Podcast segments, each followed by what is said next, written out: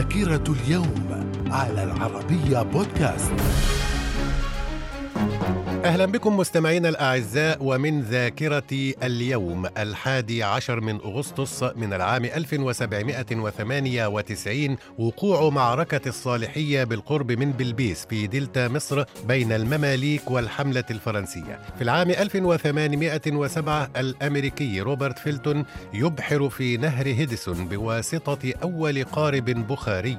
في العام 1929 العراق وإيران يوقعان يوقعان معاهدة صداقة أنهيا فيها قرونا من العداء بينهما. في العام 1937 اغتيال الفريق بكر صدقي وهو أول عسكري تدخل في الشؤون السياسية في العراق. من الذاكرة. في العام 1952 مجلس الأمة الأردني يتخذ قرارا بإنهاء ولاية الملك طلال ومناداة ولي عهده الأمير حسين ملكا دستوريا على الأردن. وفي العام 1960 1960 استقلال جمهورية تشاد عن فرنسا. وفي الحادي عشر من أغسطس من العام 2003 رئيس ليبيريا تشارلز تايلور يتخلى عن الرئاسة ويلجأ إلى نيجيريا وذلك بسبب الضغط المتزايد عليه من قبل المتمردين والمجتمع الدولي. وفي العام 2008 ملك الأردن عبد الله الثاني يقوم بزيارة إلى العاصمة العراقية بغداد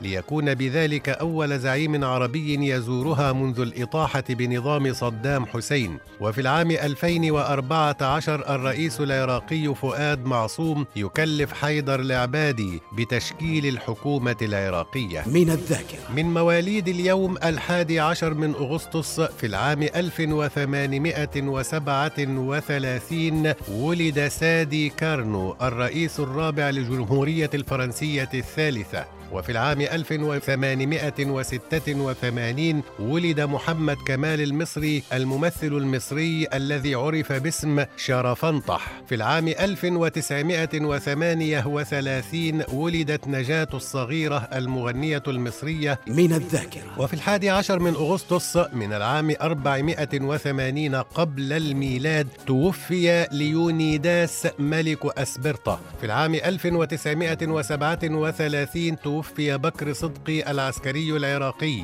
وفي الحادي عشر من أغسطس من العام 2000 توفي طلال مداح المغني السعودي الشهير. من الذاكرة. وفي مثل هذا اليوم الحادي عشر من أغسطس من كل عام يحتفل باليوم الوطني في تشاد. من الذاكرة. إلى اللقاء.